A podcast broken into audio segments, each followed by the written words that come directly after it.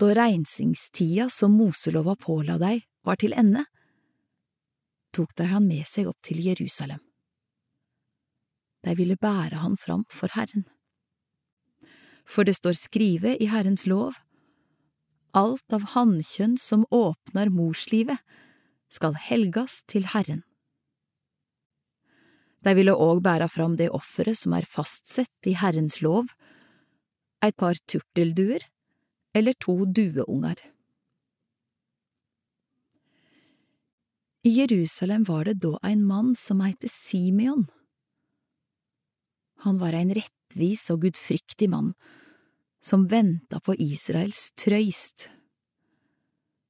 Den heilage ande var over han, og anden hadde lata han få vite at han ikke skulle sjå døden før han hadde sett han som Herren har salva. Nå kom han opp til tempelet, driven av anden.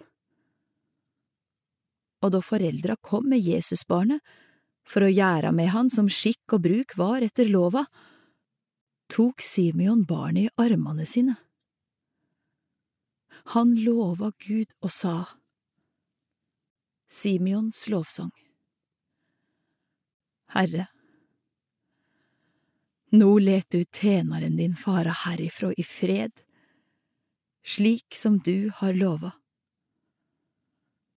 For mine auge har sett di frelse, som du har gjort i stand, like for andletet på alle folk, eit lys til åpenbaring for heidningene og til ære for folket ditt, Israel.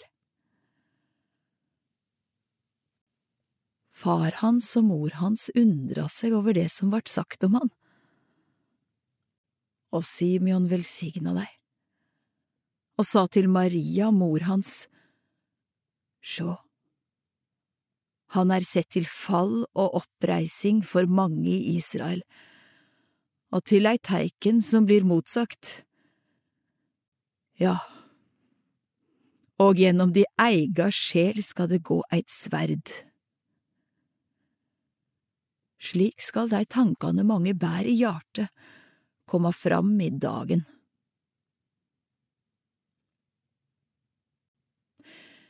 Det var ei profetkvinne der, Anna, dotter til Fanuel, av Asherstammen. Hun var langt oppi åra. I ungdommen var hun gift i sju år, og siden hadde hun vært enke. Hun var nå 84 år. Hun var aldri borte fra tempelet, men tjente Gud i faste og bøn, natt og dag. I denne stunda kom hun fram og lova Gud, og hun fortalte om barnet til alle som venta på fridom for Jerusalem. Da de hadde gjort alt som var føreskrevet i Herrens lov, for de attende til Galilea, til heimbyen Nasaret.